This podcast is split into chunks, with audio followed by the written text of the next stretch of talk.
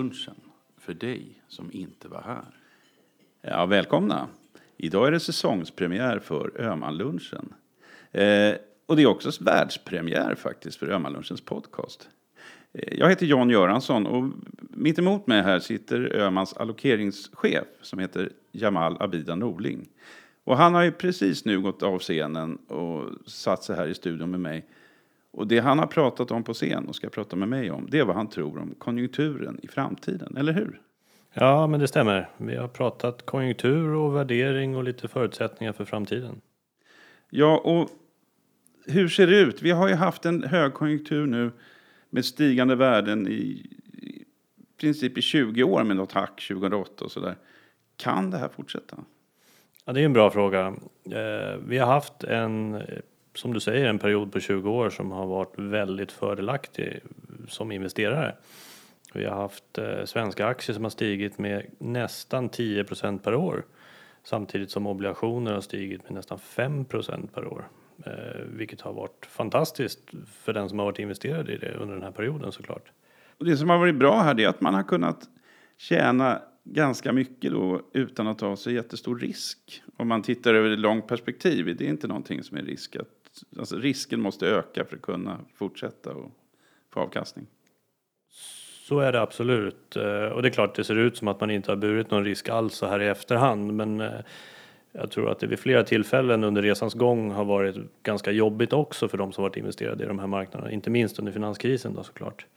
Eh, men det har varit en speciell period. Värderingarna var inte riktigt så höga som de är idag då, 96 om vi går tillbaka till den perioden ungefär. Sen har vi också haft en period där diversifieringseffekten i en blandportfölj till exempel, det vill säga samvariationen mellan tillgångsslag har varit väldigt fördelaktig vilket har gjort att resan har blivit väldigt jämn och fin. Mm. Och det är också därför som vi har en, en uh, hypotetisk eh, blandportfölj med hälften svenska aktier och hälften svenska obligationer. Den har gett en väldigt fin avkastning på nästan 8% per år under den här perioden. Ja, så man bara hade gjort så då, lagt hälften på aktier och hälften på obligationer, då hade man kunnat somna om och låta i princip en maskin ta över och tjäna Absolut, pengar. Absolut, så är det. Men så kommer det inte att vara, eller? Det finns väl en del saker som talar för att det kanske inte blir riktigt så lätt framöver. Till exempel vad då? Vad är det som gör att den här fördelaktiga eh, situationen kan upphöra? Man brukar prata om samvariation mellan olika tillgångslag eh, eller korrelation och den har varit negativ vilket betyder att över den här 20-årsperioden så har i snitt när aktier stigit så har räntor också stigit vilket har gjort att obligationer fallit lite grann i värde och vice versa när aktier fallit. Och det är det som är den stötdämpande effekten. Så har faktiskt räntor fallit och därmed obligationer stigit i värde vilket har gjort att den här kombinationen har fått en väldigt jämn utveckling. Så man har kunnat hoppa liksom från tuva till tuva i en ständig uppförsbacke på något sätt? Och... Ja, kanske inte riktigt hoppa från tuva till tuva utan snarare så att när den ena delen av portföljen har haft en svagare utveckling så har den andra delen av portföljen kompenserat med en starkare utveckling. Ja, eh, jag tittade på eh, Claes Eklunds krönika här och han säger goda utsikter för snygg inbromsning, säger han. Det vill säga att konjunkturen kommer att bromsa, men det kommer att bromsa snyggt och prydligt. Vad säger du om det? Håller du med? Eh, ja, jag vet inte om jag skulle uttrycka det kanske riktigt så, men, men eh, så är det nog. Vi, vi kommer ur en period på en tre, fyra kvartal nu när farten i konjunkturen har varit väldigt bra globalt sett. Eh, vi har haft en väldigt fin tillväxt och en väldigt synkroniserad konjunkturuppgång de senaste kvartalen.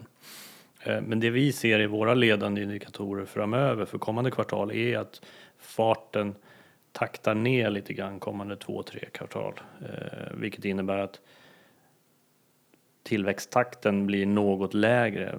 Men det är inte detsamma som att vi ser ett väldigt negativt scenario. Eh, så ur det perspektivet skulle man kanske kunna kalla det för en, en snygg nedtaktning av tillväxten. Mm. Eh, men sen finns det andra som säger att menar, nu, har ju, nu har vi haft eh, den här extrema tillväxten i ekonomin i 20 år. Eh, så nu måste det ta slut. Det är ju cykliskt ändå det här med konjunkturer. Mm. Eh, vi har haft en konjunkturåterhämtning och expansion sen egentligen den stora finanskrisen som vi kallar den. Det som inträffade åren 2008-2009 där Lehman Brothers bland annat gick i konkurs efter den recessionen så har vi haft en återhämtning och sen en efterföljande expansion. Då, så att konjunkturuppgången har ju egentligen inte varit i 20 år utan det är snarare de här senaste åtta åren som, som vi har haft återhämtning och expansion. Konjunkturen dör inte av hög ålder utan det är andra förutsättningar som samverkar och gör att konjunkturen successivt rullar över i ett recessionsscenario. Men det är inte tiden per se som är den avgörande faktorn skulle jag säga. Nej, det måste hända någonting annat än födelsedagar för att eh, konjunkturen ska vända. Precis. Ja. Eh, ja, de här makroekonomiska indikatorerna som ju du och dina kollegor tittar väldigt mycket på när ni ska blicka framåt. Eh, hur ser de ut idag jämfört med de såg ut för ett år sedan till exempel? Vi, vi har ju sett att den senaste perioden vi har bakom oss har varit en period med ganska stark global tillväxt eh, generellt och det har varit en synkroniserad konjunkturuppgång. Sen när vi tittar på inkommande statistik här och nu, det vill säga de senaste månaderna, så ser det ut som när man jämför statistiken med hur förväntningarna sett ut så ser det lite grann ut som att inkommande data har varit lite svagare. Men mot bakgrund av att aktiviteten ändå har varit stark så ser vi det mer som en effekt av att förväntningarna kanske i det korta perspektivet har höjts lite för mycket. Vilket gör att även om den ekonomiska statistiken är väldigt bra så har förväntningarna varit ännu högre. Sen har vi ledande indikatorer vi tittar på såklart som är framåtblickande för kommande kvartal.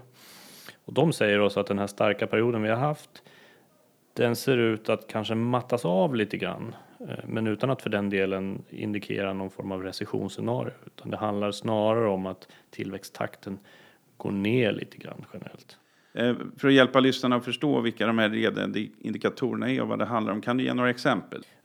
I de här ledande indikatorerna så kan det finnas allt ifrån hur mycket varor som fraktas på järnvägar i USA till hur konsumenternas framtidsutsikter utvecklas. Så det är en väldigt bred uppsättning av olika variabler egentligen som på något sätt ska fånga upp framtida aktivitet i ekonomin.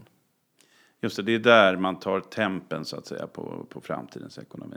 Det känns som att vi som satt i publiken, vi fick mer och mer klart för oss hur mycket psykologi det finns i det här. Eh, du eh, beskrev på ett ganska skönt sätt den här psykologin i marknaden i de olika faserna. När det går upp då börjar det med optimism och sen blir det upphetsning. Sen kommer det spänning och sen blir det eufori. Och sen, på samma höjd faktiskt där, så kommer oron. Så nära er emellan där va. Och sen kommer förnekelse, rädsla och desperation. Var är vi nu? Jag hade faktiskt en kund som gjorde en väldigt rolig liknelse vad det gäller den här utvecklingen av sentimentet i, på finansiella marknader. Och han liknade det vid en golfrunda. Och för att man ska få en känsla för hur vi ser på det här så är det en väldigt bra liknelse. Man kan tänka sig att man en lördag morgon kliver upp, solen skiner, man känner sig utvilad och optimistisk. Man åker ut till golfbanan, man ställer sig på första tee och får en perfekt drive mitt ut på fairway. Då får man den här kittlande känslan i magen och det känns som att den här rundan kommer bli precis så bra som jag hade hoppats. När man sen lyckas göra ett jättefint inspel och sätter en fem meters putt, ja, då är ju känslan nästan euforisk. Då känner man lite grann så här, varför spelar inte jag på PGA-touren för? Det här känns ju fantastiskt. Eh, sen kan det vara så att man får en liten svacka längre fram eh, och det börjar svaja lite, men då tänker man att ett dåligt slag är inget slag. Men sen när man på tredje tee tar fram driven igen och hör hur det klonkar ut i träden på höger sida då börjar man bli lite orolig och undra vad det är frågan om. Det gick ju så bra. När man sen dessutom slår vidare rakt ner i en bunker för att sen femputta sig på tredje hålet, ja då är man ju förtvivlad. Det är lite så sentimentcykeln utvecklas på, på tillgångsmarknader också. Mm. Om man inte är bra på att spela golf så låter det som att det är nästan oundvikligt att det ska hända då. Eller? Ja, men så, och så är det ju också. Mm, mm. Den här sentimentcykeln på finansiella marknader den är ständigt återkommande. Och den finns också i lite olika perspektiv. Den, den utspelar sig under kortare perioder på månader och det finns en större sentiment, sentimentcykel som utspelar sig under flera år. Mm. Där man bygger upp successiv optimism och så vidare.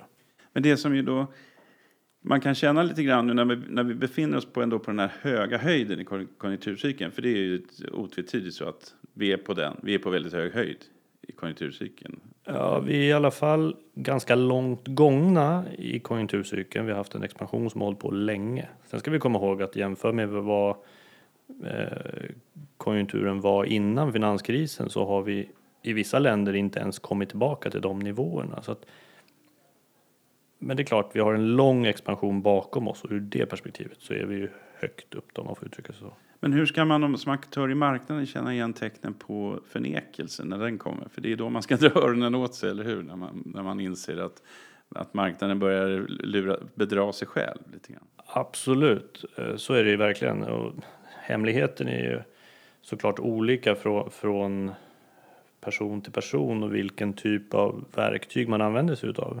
För oss handlar det väldigt mycket om att hålla oss till våran investeringsprocess och faktiskt hela tiden titta på de parametrar vi följer och göra det på ett konsekvent sätt. Ser vi svaghetstecken som successivt blir än värre så agerar vi på det och försöker att hela tiden följa det så att vi inte själva hamnar i någon form av förnekelsefas. Då. Nej, det är viktigt för, för, för Öhman och för Öhmans kunder att inte hamna i förnekelsefaser. Absolut. Ja. Och där visar du redan på första bilden här för med den här ledstången som ni håller i, nämligen Fundamenta. Just det. Som är det som är, som är så att säga kärnan och sen kan man ha övervärderingar och undervärderingar i perioder. Mm. Eh, och, och, så att det måste vara oerhört viktigt då att hålla reda på fundamenta. Är det risk att det glömts bort i de här euforiska faserna. Ja, det är väl precis det som händer i de här euforiska faserna, att man faktiskt glömmer bort fundamenta. Det gjorde man ju inte minst under IT-bubblan när man faktiskt hittade på nya värderingssätt för att motivera högre kurser på bolag som aldrig någonsin hade gjort en vinst kanske. Ja, jag minns att eh, någon konstaterade att Framfab skulle ha 450 000 anställda inom fem år för att kunna leverera avkastning till aktieägarna som ja. stod i paritet med kursen. Ja, du, du pratar ju en del om att vi, vi står inför en period när vi kanske inte har den här, den här starka tillväxten och att då måste man titta mer på risk för att kunna behålla sin eh, höga avkastning. Kan inte det vara en motsägelse om vi riskerar att hamna i en förnekelsefas?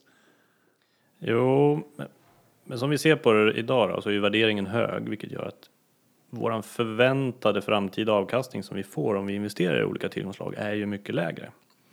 Och det är klart att i en miljö där tillväxten dessutom blir något svagare så är det ju en större utmaning. Eh, samtidigt så har de flesta investerare ett avkastningskrav på sina portföljer. Och om man vill nå upp till den avkastningen så behöver man som, det, som förutsättningarna ser ut idag så behöver man ta mer risk. Men det måste man ju såklart göra på ett avvägt sätt. Eh, så vi säger inte att man urskillningslöst bara ska ta högavkastande tillgångar utan det vi säger är att i den här perioden, för att nå upp till en avkastning, så måste vi bära risk och risktillgångar. Inte minst mot bakgrund av att räntemiljön är som den är och obligationer förväntas ge en väldigt låg avkastning. Och som du säger, när värderingen är hög som den är idag, då blir ju känsligheten för besvikelse mycket större såklart, därför att fallhöjden i värderingen är mycket högre. Eh, vilket gör att vi måste ju vara vaksam på alla signaler på svaghetstecken i konjunkturen. Eh, vilket betyder att vi kan inte bara sträcka oss efter avkastning och ignorera riskerna. Eh, men allt annat lika så behöver man idag ta mer risk för att nå upp till samma avkastning.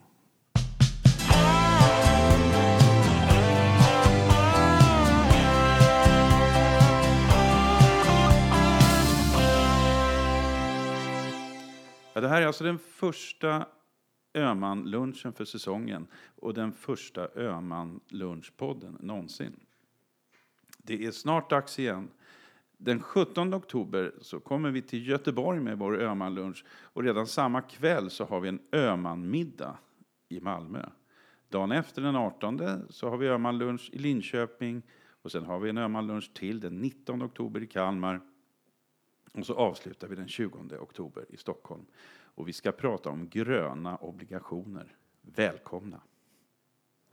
Du pratar om att eh, vi har historiskt låga räntor eh, som har sjunkit från 7% till 0,7% på 20 år. Det här är en utveckling som inte kan fortsätta. Eh, vad kommer att hända med konjunkturen tror du när räntorna börjar gå upp och när börjar den gå upp? Ja, det är en jättebra fråga. Eh, vi har som du säger en väldigt kraftig räntenedgång bakom oss eh, och det är ju en konsekvens av flera faktorer som har samverkat såklart. Vi har haft en miljö där inflationstrycket successivt har varit lägre, där centralbanker har haft som huvudsaklig uppgift att bekämpa inflation. Som sen på senare tid dessutom har eh, översatts i en period där kvantitativa lättnader, där andra extrema penningpolitiska åtgärder implementerats som ytterligare gjort räntorna onaturligt låga idag. Då. Eh, och det är klart att har man en statsränta i en ekonomi som växer i år kanske med 3% som Sverige gör och en tioårsränta på strax under procenten, det är ju egentligen inte konsistent eh, och det är inte hållbart såklart. Eh, och att dessutom tro att vi ska få samma räntenedgång härifrån framöver, ja det är ju helt orimligt såklart. Mm. Om man tittar på USA och presidentvalet och allt som har hänt där, där hade man väl hoppats på mer expansion i politiken än vad som faktiskt har levererats. Där har man ju haft stora förhoppningar på finanspolitisk expansion därför att det Donald Trump utlovade under valrörelsen var ju just väldigt stora investeringar där statskassan ska användas för att få igång amerikansk ekonomi. Och det var ju väldigt stora program han utlovade. Nu har det ju i efterhand visat sig att han haft väldigt svårt att driva igenom sin politik. Eh, vilket har gjort att det än så länge inte har blivit så mycket stimulans. Eh, samtidigt så är det så att nu under hösten så pratar man fortfarande om att lansera sina skattelättnader i USA. Eh, och det är väl sannolikt att man får igenom en del av det här paketet. Eh, men det blir ju inte alls i samma omfattning som dels Trump utlovade under valrörelsen eller som finansiella marknader för den delen förväntade sig. Då. Om vi stannar kvar i USA ett tag. Vi hade en period också eh, direkt efter valet där dollarkursen steg eh, ganska kraftigt, vilket normalt man ser som en, ett tecken på att det börjar gå dåligt i ekonomin. Men sen hände någonting. Ja, direkt efter valet så var det just det här tron om finanspolitisk stimulans som gjorde att man trodde att nu kommer amerikanska ekonomi att ta fart. Eh, men dollarn hade ju stärkts även under valkampanjen till följd av det här och det blev lite grann det var den sista resan upp i dollarn för sen vände dollarkursen någonstans i december och sen dess har faktiskt dollarn försvagats tydligt. Jag tror att det med nästan 16 procent mot svenska kronan till exempel fram till idag. Eh, så att det var väldigt mycket de här förväntningarna om den finanspolitiska expansionen som låg bakom det. Så det var snarare det än, än ett risktänkande att man skulle gå och säkra sina tillgångar i dollar? Alltså. Ja. Okay. Du berättade för publiken här på, på Nalen eh, vad de eh, kan förvänta sig på lite längre sikt eh, av ekonomin. Kan du berätta vad du sa till dem? Ja, absolut. Eh, jo, givet den värderingsnivå vi ser idag på egentligen samtliga tillgångslag så, så säger vi till alla våra kunder eh, och investerare att vi tror att vi behöver ställa in oss på och förvänta oss en lägre avkastning framöver jämfört med den senaste perioden vi har varit igenom. Eh, vi tror också att inte bara lägre avkastning kommer att råda utan vi tror också att volatiliteten på finansiella marknader kan stiga. Och det hänger ihop med den här höga värderingen därför att känsligheten för besvikelse blir mycket större ju högre värderingen är. Sen så har vi ytterligare en faktor eh, för investerare som investerar i flera tillgångslag och har blandportföljer. De har ju haft en väldigt fin och stabil resa historiskt. Den resan tror vi också kan bli lite mer volatil på grund av att diversifieringseffekterna kommer sannolikt att vara lägre framöver. Inte minst på grund av att räntenivån är så pass låg som den är idag, vilket gör att historiskt när aktiemarknaden har fallit eller kraschat så har räntenivån också fallit, vilket har gynnat obligationsinvesteringar. Men idag när räntorna är nästintill noll på många håll då är sannolikheten inte så stor att vi får samma tydliga räntefall som kompenserar aktiemarknadernas nedgång. Så risken är att börsen och obligationsmarknaden faller samtidigt? Den risken är ju större idag än vad den varit historiskt. Men marknaden kommer inte att sluta försöka tjäna pengar, eller hur? Så länge det är högkonjunktur. Nej, men så är det absolut. Så länge vi har vi har en period där investerare fortsatt vill ha avkastning såklart. Eh, och så länge konjunkturen håller i sig så kommer man fortsätta att jaga avkastning på alla sätt man kan. Eh, det som är skillnaden då, det är ju när förutsättningarna är annorlunda, att, att den avkastning som finns att hämta där ute är mycket lägre. Så måste man för att uppnå samma avkastning, måste man ta mycket mer risk. Eh, och det kan ju vara lämpligt att göra i vissa lägen. Men i vissa lägen kanske man ska vara lite mer återhållsam. Och ibland får man kanske nöja sig med, med lite lägre avkastning. Om man, om man ska titta ur ett Öhman-perspektiv här kan finnas en liten brasklapp att eh, eh, ni kanske inte kan förvänta er fullt lika mycket i framtiden, men ni kan i alla fall förvänta er att vi inte kommer att spela bort era pengar om man ska vara konkret. Absolut, det är det budskapet vi försöker att gå ut med hela tiden. Mm. Eh, du pratar om det här med volatilitet och det, det, här har vi redan nu börjat se när, när kursen kan falla väldigt dramatiskt när ett bokslut eh, levererar väldigt liten avvikelse egentligen från prognos. Är det någonting som alltså kan bli ännu värre tror du nu i framtiden? Ja, men det är ju ett tecken på att värderingen och förväntningarna är högt ställda på ett företag. Man tror väldigt mycket om företagets framtidsutsikter, vilket gör att man också man höjer kursen. Man köper aktien upp till en kurs som kanske är högre än vad som är motiverat.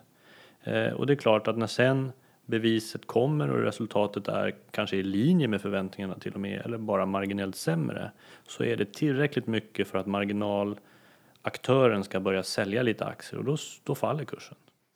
När vi pratar om kort sikt, medellång sikt och lång sikt får du hjälpa lyssnarna lite grann igen. Vad lägger du för betydelse i de orden? Vad är kort och vad är medellång och vad är lång sikt? När vi tänker kort sikt och taktiskt då tänker vi kanske 3 till 12 månader egentligen. Medellång sikt är väl någonstans ett år till tre år eller fem år och på lång sikt är över fem år. Så att det är förhållandevis långa perioder ändå vi pratar om. Och går du ut och pratar med en hedgefondförvaltare någonstans så kommer kort sikt att vara intradagrörelser och, och kanske medellång sikt några veckor. Så att det varierar väldigt mycket. Mm. Ja, man kan väl säga att under ganska lång tid nu så har ju eh, regeringar och centralbanker jobbat ganska hårt på att stimulera ekonomin och stimulera marknaden på olika sätt. Kommer det här att fortsätta? Ja, framförallt centralbankerna har ju verkligen varit i centrum under lång tid nu och som du säger, man har stimulerat ekonomierna ganska kraftigt. Man har börjat med att sänka räntor. Från början sänkte man från det som då var normala nivåer på räntor till väldigt låga nivåer till ända ner till nollräntor för att sen till och med gå så långt som att ha negativa räntor i olika ekonomier, vilket ändå får betraktas som väldigt extremt. Det här har man ju gjort därför att centralbankerna har haft ett mål att hålla en stabil inflationsnivå. Eh, och I och med att vi har haft ett förhållandevis lågt inflationstryck så har man fått kämpa väldigt mycket för att uppnå det här och man har faktiskt ändå inte lyckats. Alla de här åtgärderna till trots. Och sen så har man också infört det som kallas för kvantitativa lättnader, det vill säga att centralbanker faktiskt är ute och köper statsobligationer. Så svenska Riksbanken köper svenska statsobligationer och äger en förhållandevis signifikant andel av den utestående statsskulden på det sättet. Och detsamma gäller i Japan och USA och i euroområdet. Så det är ju väldigt extrema åtgärder man har vidtagit. Och frågan om det kommer att fortsätta eller inte. Det vi kan se nu, det som har hänt i närtid de senaste, ja, det senaste året, det är att centralbanken ändå successivt har signalerat att nu är vi färdiga med att sänka mer eller att öka på stimulanserna så mycket mer. Nu är vi redo att försöka successivt kanske montera ner vissa av de här lättnadsprogrammen. Amerikanska centralbanken har ju redan höjt räntan. Eh, men många av de andra centralbankerna har ju fortsatt att öka på stimulanserna. Eh, men nu verkar man ganska ense om att man har nått vägs ände åtminstone för den här gången. Sen får det ju visa sig hur konjunkturen utvecklas för vi vet att när konjunkturen återigen viker då kommer man behöva stimulera igen. Men det man från centralbankernas håll vill uppnå nu tror jag det är att försöka komma lite närmare, närmare normalisering för att ha någon form av ammunition kvar när det sen viker nästa gång. Man behöver ha en ränta att sänka om man ska uttrycka det. Ja. Eh, Sverige har ju, har ju nu eh, lyckats nå sitt inflationsmål. Är det ett tecken på att vi, vi också har nått denna vägs ände? Jag tror att det, det ligger nästan två frågor i en i det du säger därför att den första frågan är har vi verkligen nått vårt inflationsmål? Än så länge så har vi sett någon enstaka hög inflationssiffra eh, och mycket pekar på att en del av det är temporära effekter. Så frågan är har vi nått en uthålligt stabil inflationsnivå som är i linje med vårt mål? Där är vi kanske inte riktigt än. Sen är det så, om Riksbanken har nått vägs ände eller, inte, ände eller inte är väldigt mycket beroende på vad som händer i övriga världen och konjunkturen och vad andra centralbanker gör. Därför att vi vet att om vi når vårt inflationsmål och, och Riksbanken höjer räntan tydligt samtidigt som exempelvis ECB inte gör någonting så kommer det att få effekter på kronkursen. Då kommer vi få en starkare svensk krona vilket i sin tur riskerar att dämpa eh, tillväxten för våra exportbolag. Så det är flera rörliga delar. Om vi, och med vi så menar jag svenska Riksbanken, agerar helt oberoende av andra centralbanker så kan det få effekter som sen slår tillbaka vilket gör att man måste reversera det man gör. Är det risk att vi hamnar i en slags chicken race här mot andra länder? Där man sitter och håller i sin ränta och hoppas någon annan ska gå före? Jag tror att man ganska tidigt för flera år sedan var ute och sa att vi ska försöka att inte hamna i någon form av valutakrig, det vill säga vi ska inte försöka ha ett race om vem som sänker räntan mest för att få en så fördelaktig valutakurs som möjligt. Eh, utan att man försöker göra det här utefter de förutsättningar som faktiskt finns. Eh, och detsamma gäller räntehöjningar den dagen de kommer så gör man det utefter de makroekonomiska förutsättningar som finns. Men man måste, som Sverige, som en liten öppen ekonomi, så måste man vara vaksam på omgivningen och vad, hur räntesituationen ser ut i, i omvärlden. Därför att det vi gör med vår styrränta påverkar vår valutakurs som i sin tur påverkar exempelvis exportföretagen. Mm. Alltså medskicket till Öhmans kunder som, som, du eh, beskriver då, lägre avkastning, högre volatilitet, lägre diversifiering. Men det måste ju finnas en gräns för hur mycket risk man tar. Absolut. Man har ju såklart en egen gräns för hur mycket risk man klarar av. Och det bestäms ju utav vart riktlinjerna för ens egen placeringsmandat eller placeringsuppdrag går hur mycket värdefall kan vi bära innan någon annan kommer och drar i handbromsen åt oss? Såklart. Vi ska aldrig bära mer risk än vad vi klarar av. Så är det ofrånkomligt. Mm. Samtidigt så är vi i en miljö där värderingarna är höga. Så vi måste bära risk för att få avkastning. Å andra sidan, hög värdering gör att känsligheten är ganska hög. Så ser vi tecken på att saker och ting börjar se sämre ut i konjunkturen, då måste vi bli mycket försiktigare. Så det blir lite som budskapet blir att vi, vi måste dansa, men vi måste dansa nära utgången. Då får jag tacka dig Jamal Abida Norling för att du tog dig tid att sitta ner här och göra den här snabbrepetitionen av eh, Öhmanlunchen. Tack så mycket, det var trevligt. Ja, och eh, vi ska tacka våra lyssnare också som har varit med oss. Tack så mycket, hej då!